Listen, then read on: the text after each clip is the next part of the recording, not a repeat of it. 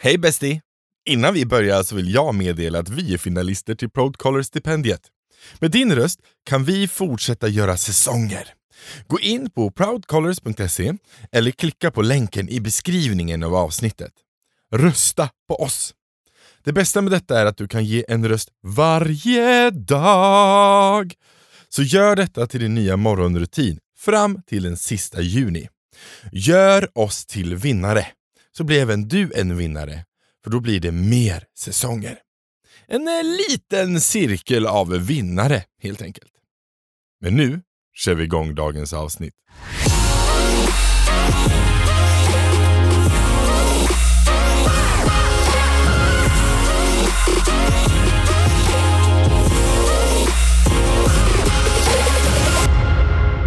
Välkomna till två bögar och en podd med mig, Kim Silverbreider och Kato Helleren. Kim och du såhär eh, lufttrummar. Ja, liksom. lufttrummor. Ni skulle sett. Det var helt fantastiskt. Fyrverkerier. Men vi har gäster med oss idag. Ja, det har vi. För, förra veckan så intervjuade vi Violetta som är transtjej, Mm. som berättade om sin eh, historia och eh, komma ut-process. Mm. Och nu så har vi med oss eh, Violettas föräldrar, eller familj ska vi säga. Familj. Vi har med både pappa Andreas, vi har med mamma Ida och så har vi även med syster Edith. Ja. Välkomna! Hej! Hej! Hej! Välkomna hit. Eh, hur, känns, känns det bra? Ja, Det känns jättebra. det känns bra. Ja, vad härligt att höra. Eh, det är ju så här då, så förra veckan så pratade vi med Violetta och som sagt var om eh, komma ut-process och, och, och leva som trans. Mm. Eh, och den här veckan vill vi såklart ha lite fokus på hur det är eh, att vara familj runt det här. Mm. Och, och Vad hur man ska det, tänka på. och Så, ja, hur det känns och Mm. hur, man, hur man jobbar med, med det här. Mm. Eh, så jag tänker bara så här, följ med.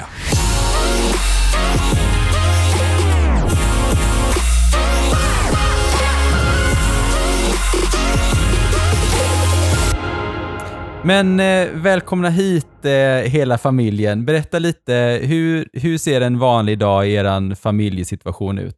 Andreas, vad skulle du säga? Jag vet inte om den skiljer sig så mycket från andra familjer. Det är ju det är vardag med, med skola och aktiviteter och, och jobb och läxor och, och så. Så att det, Mm. det är väl som en vanlig familj, typ. Ja. Mm. Har det någonting som, som typ, eh, som ni gör, som ni alltid gör så här, att ni alltid har så här fredagsmys, man kör till tacos eller att man kollar på en film? Eller har ni någonting som er familj alltid liksom samlas runt och gör? Ja, men vi har ju fredags... Eh, vi har ju alltid fredagssnacks. Mm. Ja! Eh, sen är det väl inte alltid hela familjen är samlad i, eh, i tv-soffan så, men, eh, men vi har alltid snacks och så på fredagar. Och, eh, Glassen är viktig på fredag. Ja, det är den också. Ah, vad gott. Oh, glass. Okej, då, då, då måste vi ta en, en här. Eh, eh, Andreas, vad är favoritglass? Oh, favoritglass. Eh, ja, men jag, jag är rätt... Jag vet inte, jag, jag gillar det mesta i, i glass då, men eh, Diplomatiskt svar, men inte okej. choklad lakrits är vi nog... eh, Chokladlakrits, jajamän. Ja. Ja, ja. Ida? Vi har börjat göra egen glass Jaha, nu. oj, gud vad Ja, avancerat. det är gott. Okej. Men Ida, du, vi- din, din favoritglass? Nu, det- nu får du vara tyst här, Andreas. det är, jag, alltså jag gillar allt som också har med lite kola och nötter och stora chokladbitar och sånt i glass. typ Eh, Rocky Ja. Roads. Liksom. ja, precis. Ja. Så, ja, allt sånt där. Gött. Okej, då är det den viktigaste frågan här nu då. Edith, favoritglass? Eh, jag har lite också att, att jag tycker om när det är så här lite större chokladbitar i och kanske någonting som säger lite segare som ger lite så här tuggmotstånd och så. Ja. Du är, som, du är som mamma alltså. Ni två, Ja. ni två kommer alltid bestämma samma glass. Och så kommer pappa och säger jag vill ha lakrits och ni tittar på honom och säger det är mig konstigt. Och Edith, du är lilla syster till Violetta va? Ja. Ja, ja. vad mysigt. ja. Vilken, vilken fantastisk förebild som stora syster du har då. ja, det är det. Ja, det var fint. Ja, herregud. Ja, eh, jag, jag tänker så här att jag, jag, jag kör igång med, med första frågan. Det här är ju så himla spännande. Ni är ju så, det är så många att fråga saker. Ja, jag vet. jag blir så här, jag vill fråga alla om allt. Eh, men nu, vi, vi kör igång här. Va, hur skulle ni eh, beskriva er relation med Violetta? Alltså hur, hur, när märkte ni av att Violetta var speciell? V- vad man mär, märkte, eller när Edith föddes och blev så här i tvåårsåldern, då minns jag att jag tänkte på, men vänta lite, Violetta eh, uppfattade inte saker som Edith uppfattade, till exempel det här med kön. Det var, Violetta var ointresserad av det. Hon eh, chansade, hon kunde inte riktigt läsa ut, är det en kille eller tjej? Eller hon bara chansade och, där och, och brydde sig kanske inte. Och märker man sen när Edith föddes så, när hon blev lite så var det väldigt så, Edith var väldigt sådär, det där är pojk och det. Och, och, och det tyckte vi var lite konstigt. Men, men så var väl där runt eh, när Violetta var tre, treårsåldern som vi tänkte på att ja, men det, det är någonting. Mm. Men vi kunde inte riktigt sätta fingret på vad det var tror jag. Ja, men hon gillade ju att gå i klänningar och i kjol och sådär ganska, ganska tidigt. Och så. Sen har ju vi väl alltid försökt att ha det ganska, ganska liksom könsneutralt i... eh, Och därför tyckte vi det var lite, lite märkligt när Edith blev så... När det var så tydligt för henne liksom, eh, vad som var kille och tjej och vad som var liksom så att... Men det gick över Ehm, snabbt för dig. Ja, Det var väl ganska tidigt med Violetta. Så liksom. sen, eh, sen sa hon ju själv eh, när hon var i fyra, ja. fyraårsåldern att hon tyckte att det, det skulle vara tre, tre tjejer och en pojke i familjen. Mm. Just det. Mm. Eh, Så, Ehm, så att det, var väl, det var väl första gången hon satte Ja. ord på det. så Ja. liksom. Då, Mm. brukar, då så, så där pratade vi om med henne att man eh, dels eh, om man då skulle identifiera sig som pojke så kan man vara precis som man vill. Mm. Man kan ha klänning och kjol och, och allt sånt där som, som pojke. Eh, men sen också, jag minns att, att det var någon tidningsartikel om en transkvinna som är skådespelare och, eh, och då så då så, mm, vet du, det var ett porträtt på henne, då visade jag det för Violetta och då var hon nog där kanske fyra, fyra fem års åldern kanske och, och, och då kunde berätta, ja men här är en som känner att, eller hon är född som pojke men känner att men hon är inte en pojke utan en flicka sådär. Mm. Eller född pojkkropp och, och bara för att visa att så här kan det också vara så. Det, alltså, jag blir ju superglad och eh, lycklig när jag hör liksom hur, ni, hur ni pratar om det här, som, hur ni agerar som föräldrar. Men det är också väldigt ovanligt att föräldrar agerar på det här sättet. Mm. Hur, vad, varför tycker ni det är viktigt som förälder liksom att, att eh, liksom göra det här? Liksom, prata på det sättet ni gjorde och sådär. Ja, det är ju för oss, ehm, jag, jag tror inte vi tänker på att det är ovanligt utan jag tror vi tänker på att det är självklart. Ja. Att, ehm, att man lyssnar på sitt barn, att det ska få vara som den är för att eh, om det är motsats så blir, det- blir det ju inte bra. Om man säger menar, om det är någonstans som, som barn ska känna liksom stöttning och kärlek så ska det ju vara hemifrån. Ju. Alltså, de blir ju så... Eh, riskerar att bli så utsatta ändå eh, utifrån så att... Eh, jag menar, Mm. och stöttning ska de ju få hemma i alla fall. Mm. Mm. Och det, det, som jag var inne på förut, det, det är väldigt ovanligt i vårt community. Jag fick ju också väldigt bra liksom, bemötande när jag kom ut som, som eh, bög för mina föräldrar. Men det är ju också väldigt ovanligt. Mm. Många tittar på min historia och så här, åh gud, jag önskar att jag hade det så. Liksom. Så att det, det är därför jag frågar, för att det, det är väldigt många eh, som jag känner som har blivit utslängda eller Mm. föräldrarna har inte velat ha någon kontakt med dem på grund av att de är trans eller homosexuella. Så att, eh, jag tycker att ni är jättefantastiska som är med och inspirerar och Ja. gör Både det. jag och Kato sitter här lite med tårar i ögonen. Men ni är, ni är jättefina. Ja, ni är jättefina. Ni är jättefina. Men och, för, en självklar grej liksom att det är inte... um, Det, det finns liksom inget, inget alternativ. Bara Liksom, Ja, ja, för vi har ju hört också de här berättelserna som ni berättar om och tycker att men hur, alltså det ska väl av ens föräldrar känna att ja, men jag duger som jag är. Om det är från några så. mm. Så det har såklart påverkat hur vi är som föräldrar, att man har hört dåliga exempel om man säger så. Mm. När, när Violetta berättade för er om att eh, hon vill liksom bli kallad för tjej, och, eh, vad var de första tankarna som kom upp i era huvuden? Vi börjar med Andreas. Vad, vad tänkte du? Du var ju den Ja. andra som hon berättade för. Hon hade redan berättat för mamma och lilla syster först. Ja, alltså, det- då när hon var så, så ung så, så lät vi väl liksom bara saker och ting få liksom utvecklas som det gjorde utan att liksom styra henne på något sätt. Utan vi, vi försökte bara hänga med på, på hennes resa där liksom. Ehm, sen var det ju när hon, när hon var eh, typ nio och ett halvt. Måste det varit på Mm. våren. Hösten 16. Det var ju då hon kom och sa att hon ville att vi skulle säga hon och, ehm, och så liksom. Ehm, och, och med liksom namnet och så. Ehm, men då, då kändes det väl mer som att, ja men det kändes så självklart bara för att det, det hade man ju på något sätt, ja, men man blev inte överraskad liksom utan ehm, Däremot kan jag väl säga att jag blev, jag blev lite överraskad kanske att det kom just då. För då hade hon ju en inom situationstecken killperiod. Då utforskade hon lite sin killidentitet eller vad man ska säga. Eller, eller testade. Hon har sagt sen efteråt, jag var tvungen att testa hur det var att vara kille. Mm. Så man ser skolfotot där som på den från den hösten. Då har hon ju skjorta och slips och kort hår Ja. och så.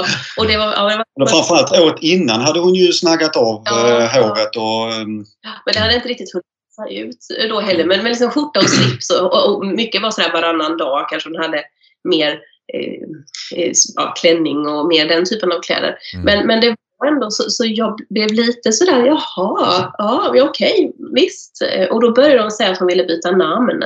Mm. Och sen så frågade jag, vill också att vi ska säga hon? Och sa hon, ja, jo men det vill jag nog så. Eh, så, så det var väl, vi blev väl inte jätteförvånade egentligen. Nej. Du Men- då, Edith, vad, vad, vad kände du när eh, Violetta berättade att eh, hon var trans? Ja, alltså jag kommer inte ihåg så mycket. Alltså, jag var ju inte, så jag var ju typ bara sex år. Jag kommer inte ihåg så mycket. Men det var väl också att jag blev väl liksom också lite överraskad och lite, alltså lite så förvånad och så. Ja, speciellt, ja, men speciellt eh, om Edith nu här eh, redan som tvååring var väldigt eh, säker på sin på flicka och pojke. Då, då måste det ju, som ni säger själva, liksom, att det, det, det måste ändå blivit en, en, eh, ett, en liten chock för Edith där att bara, ja ja, okej, nu, nu är vi här. Eh, Ja. Sen har ju Violetta har ju alltid eh, liksom spelat massa roller och liksom varit eh, liksom ja, gå- gått in i massa olika karaktärer och sådär. Så att om det var att du kände i början att det var liksom en... Hon var van vid att liksom Violetta var, var någon annan liksom så. Mm. Man- Jag tror att Edith har nog varit den som, jag tror du aldrig har sagt fel. Efter att hon sa nu är det Violetta och hon, har du aldrig sagt eh, det gamla namnet och han. Och, och det var så gulligt när de var små då, Violetta var sina karaktärer. Det var supersnälla Silversara, den stora idolen. Och så fort Violetta satte på sig den här glittriga eh, jackan och en grå kjol, då var ju Edith helt med på läget och, och sa liksom mm, Sara kom här nu så ska vi så, så hon har ju verkligen hängt med i alla de här olika rollerna och det har varit väldigt fint. Så, så, och därför också vi var lite förvånade att Edith var så väldigt blått en pojkfärg. Men vi, och vi bara, va, men hallå. Eh, men jag tror nog hon, hon fick lite från förskolan Mm. sådär. Att i Ja. den där åldern ska, ja, vad är vad och vem är vem och sådär. Och så kanske hon hör från andra barn och så. Mm. Så jag tror inte hon liksom reflekterade över, Violetta har alltid varit Violetta. Hon har nog inte riktigt reflekterat över det. Hur möttes ni i till exempel, vi var inne på det nu med det här med förskola och sådana saker. Hur mötte ni, eh, hur mötte ni eh, alltså, reaktionerna där? I skola och sånt? när hon kom ut eller... eh, Mm. Ja, när liksom Ja. så här ville byta namn och liksom att vi ville kalla för hon istället och sådär. Nej, alltså vi har ju bara fått liksom bra, bra bemötande från skolan. Så jag kommer ihåg hon... Vi väntade ju typ ett halvår eller i alla fall några månader där vi liksom höll det för oss själva. Eh, sådär. Um, och sen så um, var det ju på våren 17 då som hon kände sig redo för att liksom komma ut mer i, eh, för, för andra. Så. Och då berättade vi för personalen på skolan först. Mm. Um, och då, eh, det var ju ett sånt uh, tydligt tillfälle när det var internationella kvinnodagen. Och så skulle de, när de skulle ta mat, så skulle då tjejerna få ta först. Och då, då var det ju en, det var ju en sån situation där det kunde bli fel. Liksom, där de hade då kunnat liksom ställt henne bland killarna. Mm. Men då ställde de istället, och då, för det visste ingen annan det, då ställde de henne istället sist av tjejerna. Och liksom, så att det blev liksom som att de, de trodde att hon stod först för killarna. Mm. Men för hon själv så kändes det ju som att hon stod sist bland tjejerna. Liksom. Mm. Mm. Och en sån enkel, smidig grej liksom, hur de, hur de löste det utan att liksom göra någon stor grej av det och, och säga liksom att nej men du ska ju stå bland killarna så utan så Mm. löste de det på det sättet och det tycker jag var väldigt, väldigt fint. eh, Och liksom, Verkligen. Då är det, ju, verkligen. det är en skola som verkligen lyssnar måste jag säga. Det är också helt fantastiskt. Mm. Liksom, att Ja. man, man ser individen och ser behoven. Liksom.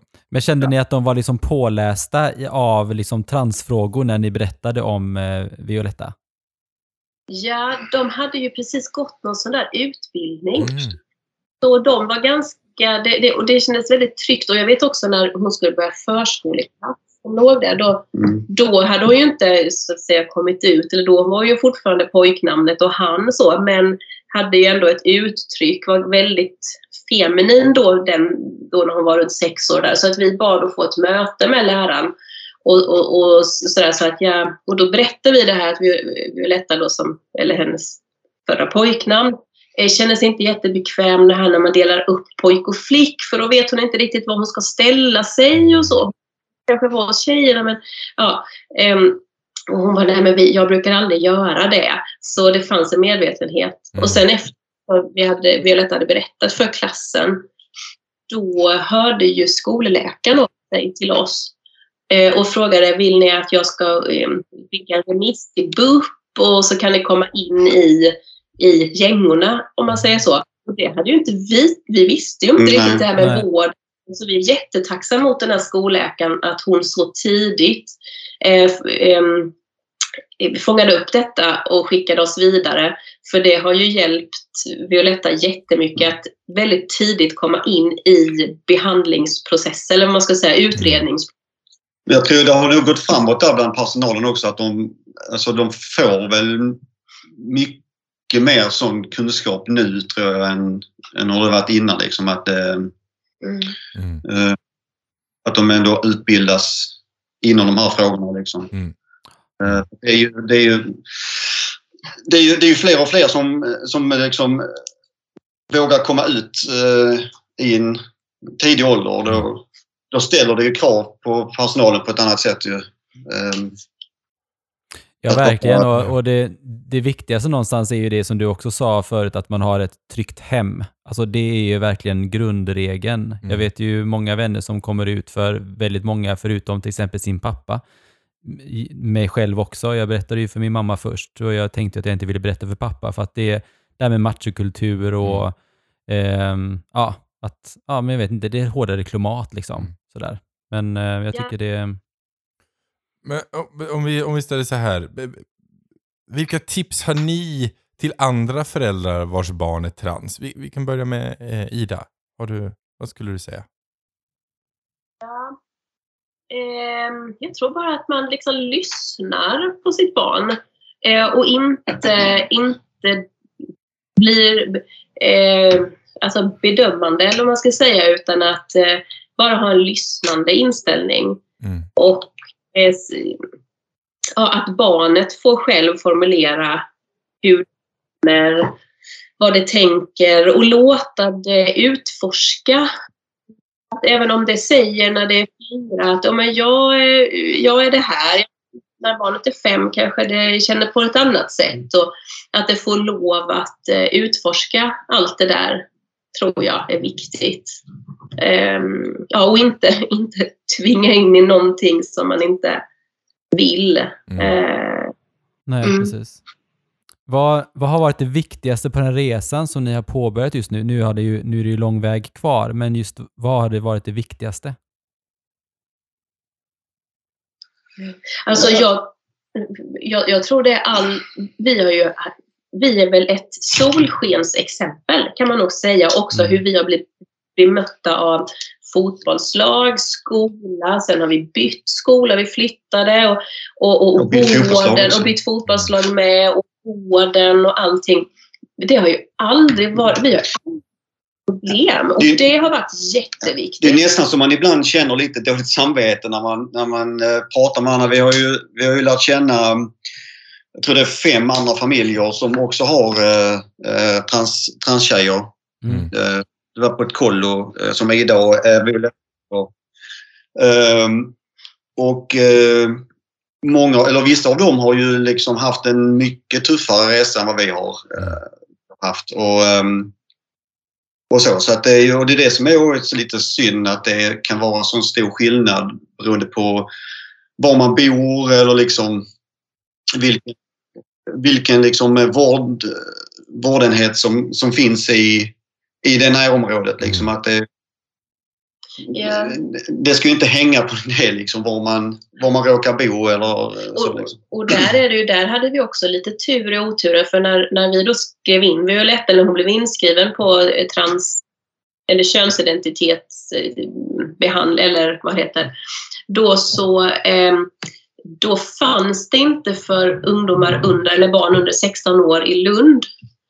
Ehm, då fanns det för de över 16 där, utan då fanns det i Stockholm blev vi hänvisade till och vi tyckte det var lite jobbigt att åka dit och så där för, för liksom en timmes samtal ibland och så.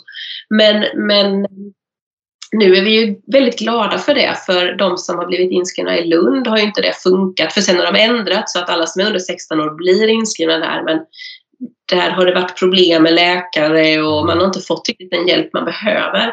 Så, ehm, och, och det är också liksom, nästan som man skäms sådär, att men vi har haft sån tur. Ja, att, eh, alltså, de har ju haft, de, de har ju längst erfarenhet av det här också så att ehm, de, de är ju verkligen eh, experter på det. Mm. Eh, Men vad, vad, vad visste ni om trans innan Violetta kom ut? Vi börjar med det Andreas. Vad, hade du någon koll på vad trans var? Vad hade du för fördomar med dig in? Liksom?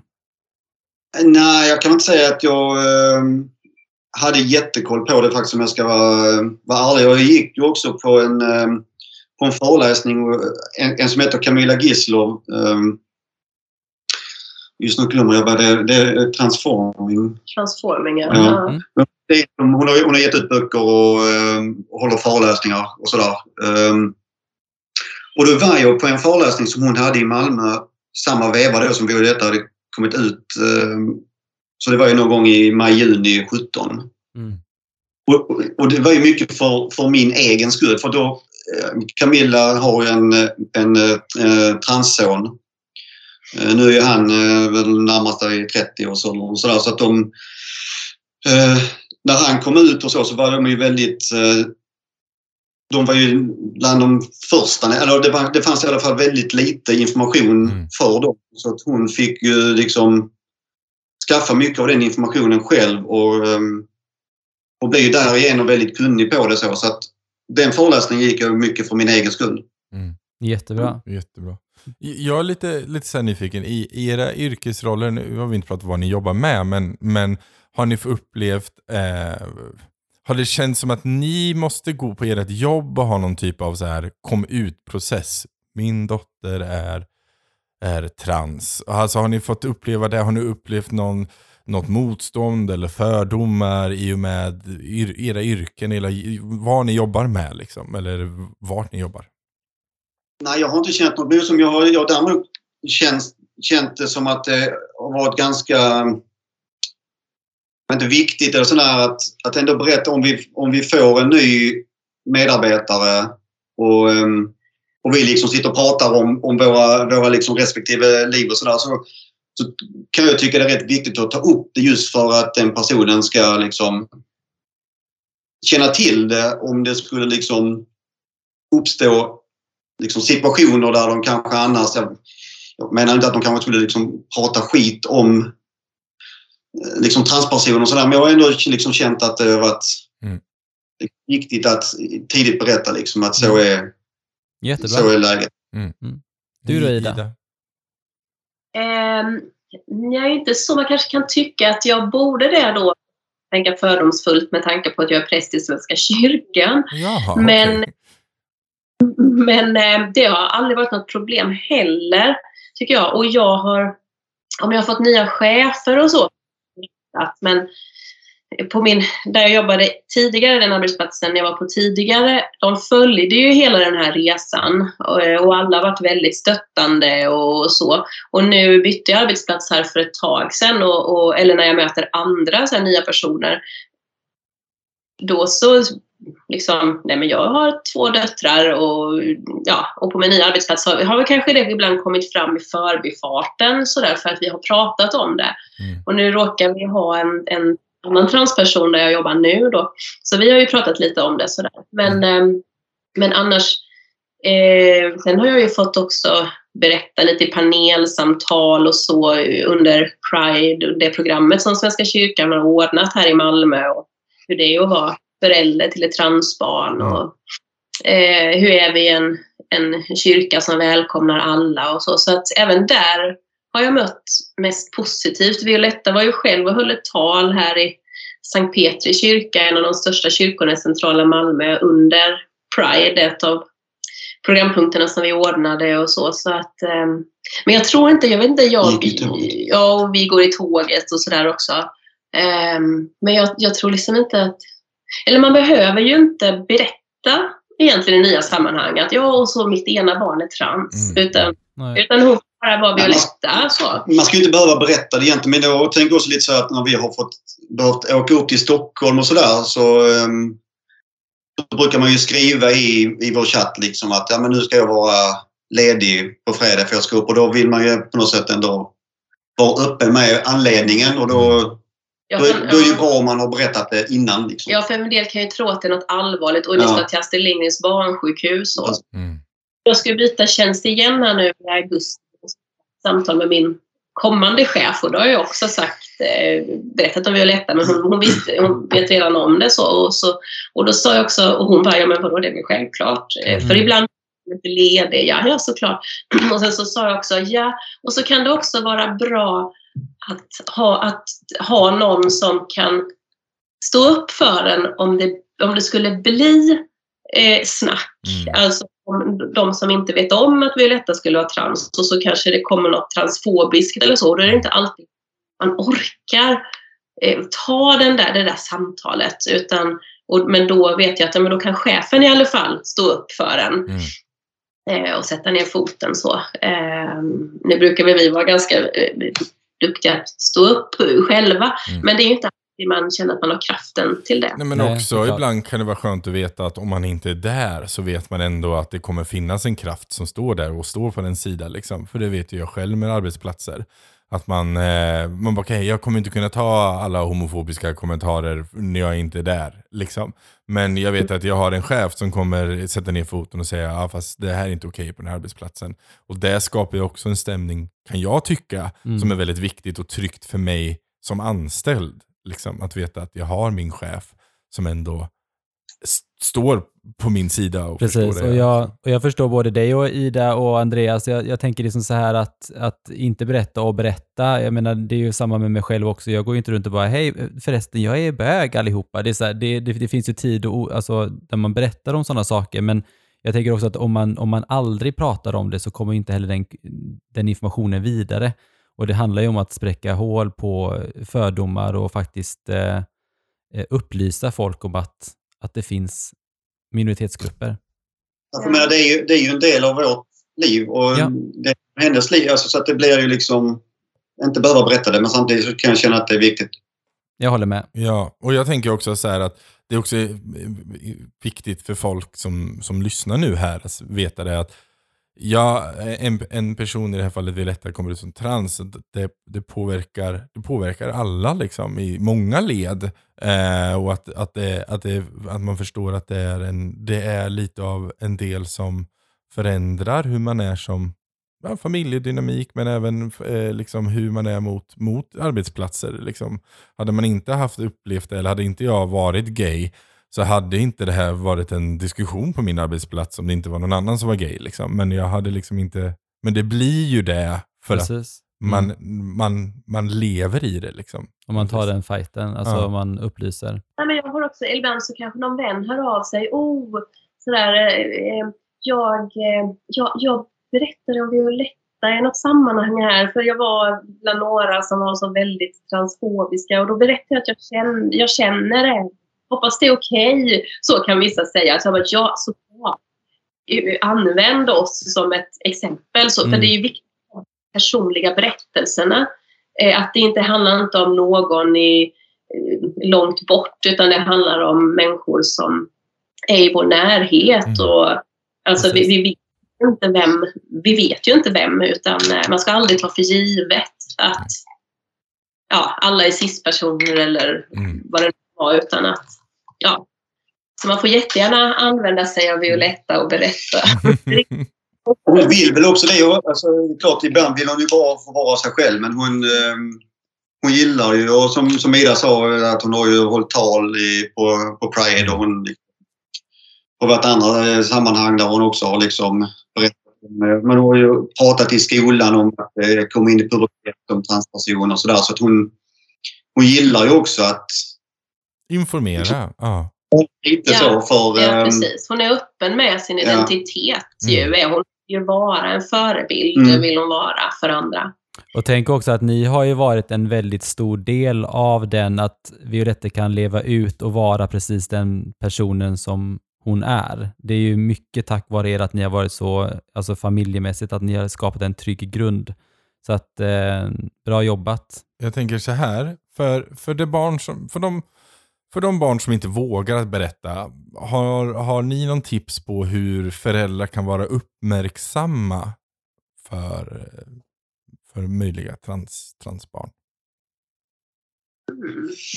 Jag vet inte. Ja, nej. Men det vi försöker bara vara liksom eh, lyhörd och... Jag kanske försöker locka fram lite så man märker att det är någonting där. Att man inte försöker tränga sig på och tvinga på utan eh, Eh, det var det väl då så vi gjorde att vi visade, ja men så här kan det också vara och det är okej. För då blev vi Violetta trygga att veta att det är okej att känna så. Men det är väl lite som ni var inne på, alltså liksom skapa ett äh, accepterande, äh, alltså accepterande miljö hemma. Liksom. Att, äh, jag menar, har man har någon föräldrar som pratar väldigt liksom, homofobiskt eller eh, transfobiskt sådär vid, vid middagsbordet så, så, så är det ju inte så lätt att komma ut. Men har man ett, eh, ett accepterande liksom, samtalsklimat, eller man ska säga så, så det handlar ju om Ja. att, att visa att man Och, in, ja, och inte bara, tänker jag, transfobisk eller homofobisk utan Nej, också ja, nej, rasistisk. största allmänhet, ja, och-. Eller hur man kommenterar. Så här, man sitter och kollar på Melodifestivalen Mm. och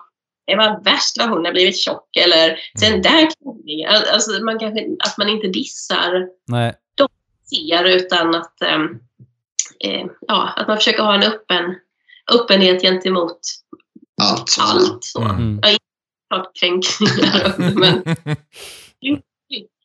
eller vad man ska säga. Nej, men jag brukar alltid säga det också att har man bra, liksom, alltså om man är öppen för till exempel att man har inga problem med att en annan man kysser en annan man, så, följ, så, alltså, så ramlar de andra bitarna på plats. Då är det så här att då har man liksom inga problem med att min, min chef är kvinna eller liksom så här, utan då är man oftast en, en sund, bra människa liksom. Man- Man har... Man är ganska öppen för det mesta. ja, då. precis. Så Mm. att, eh, ja. Men här tänker jag, ni, ni har ju sagt ändå att er resa har varit eh, nästan enligt er själva oförskämt bra. Liksom. Eh, ändå att ni har haft mycket. Men har ni stött på så här, vad, den fördomen ni får höra mest, vad, vad är det vanligaste ni får liksom slå hål på? Liksom? Um, alltså när Violetta var yngre var det ju, är du en kille eller tjej? Mm. väldigt mycket. Men en sak som jag, det här kanske låter jättehemskt, men ibland så, oh, hur är det med Violetta? Jag tänker så mycket på er. Och så att man säger, och det är ju i all välmening, men det låter lite på rösten eller att de tänker att oj, nu är Violetta tonåring, det måste vara jättejobbigt nu. Um, att man på något sätt utgår från att bara för att man är trans, alltså man har ju såklart läst att det är statistik och sådär och att det är väldigt jobbigt framförallt för transungdomar. Men man behöver inte utgå från att det är, att det är så. Och, och ibland brukar jag säga så här, ja, jag har ett till barn också. Mm. Du ska inte mm. henne. Och det har ju varit, du har haft en tuff period bakom dig Edith och haft ja. sådär lite ångest och, och mm. ibland går ner i lite deppperioder och sånt där. Så, ja, men, men, men att man glömmer ofta bort då att... Ja, det kan ju lätt bli fokus på... Mm. Eh, så liksom. Ja. och vi vet det av all välmening. Det är ju inte, man ska inte sluta fråga hur det är. Eh, eh, men, men, ibland kanske, när man kanske får höra det väldigt många gånger och det känns som den andra utgår från att och hur är det nu då? Så blir man lite till slut så här, Ja, ja, ja. ja mm. Men mm. det här är faktiskt någonting som vi diskuterar med. Vi hade ju eh, Elias med oss som eh, lider av en, en CP-skada. Eh, och det var likadant som han sa, att, att, att folk ska hela tiden, det är med välmening, men det blir liksom, det blir nästan oförskämt till slut. Man blir lite trött på det. Han bara, jag kan öppna dörren själv. Jag, ja. jag, kan, jag kan sätta mig på stolen själv. Jag behöver inte din hjälp för det här. Alltså så här, det blir, det är en välmening från personen i fråga. Men att men folk menar det, att det ska ja, vara något negativt. Att det ska vara något ja. Att det ska vara, att det är, måste vara jobbigt nu. Så, så nu försöker jag hjälpa dig. Men det är väl som vilken dag som helst. Vi lever i det. Liksom. Ja. ja, precis. Det här är vår vardag. Mm. Vi, vi känner ju ingenting annat med Violetta. Alltså, mm. Vi vet ju inte hur det skulle varit om hon skulle vara en pojke och snart fylla 15. Alltså, för mm är ju, det, här är ju, det här är ju så livet med henne är. Mm. Mm. Uh, ja. Mm. ja. Ja, men jag, jag, kan, jag kan tänka mig det. det när, man ska ju vara glad att man inte får elaka fördomar, men, men, men, eh, men det, är, det är jobbigt åt andra hållet också när det blir för, för eh, omtänksamt kan man säga, när det blir så. Ja, jag fattar.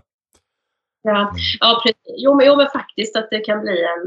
Det är svårt att beskriva egentligen den känslan. Det låter väldigt otacksamt. Men det är väl också för att vi tänker ju inte på i vår vardag och vi har ett barn som är trans. Alltså, och, och, och undrar om vi hade gått runt. Det, jo, det finns ju en oro. Jag vet att när Violetta skulle börja skolan, ja, jag fick ju nästan ångest för jag hade precis läst en eh, rapport från Friends att personer som barn som bryter könsnormer är de mest utsatta och mm. mest och så.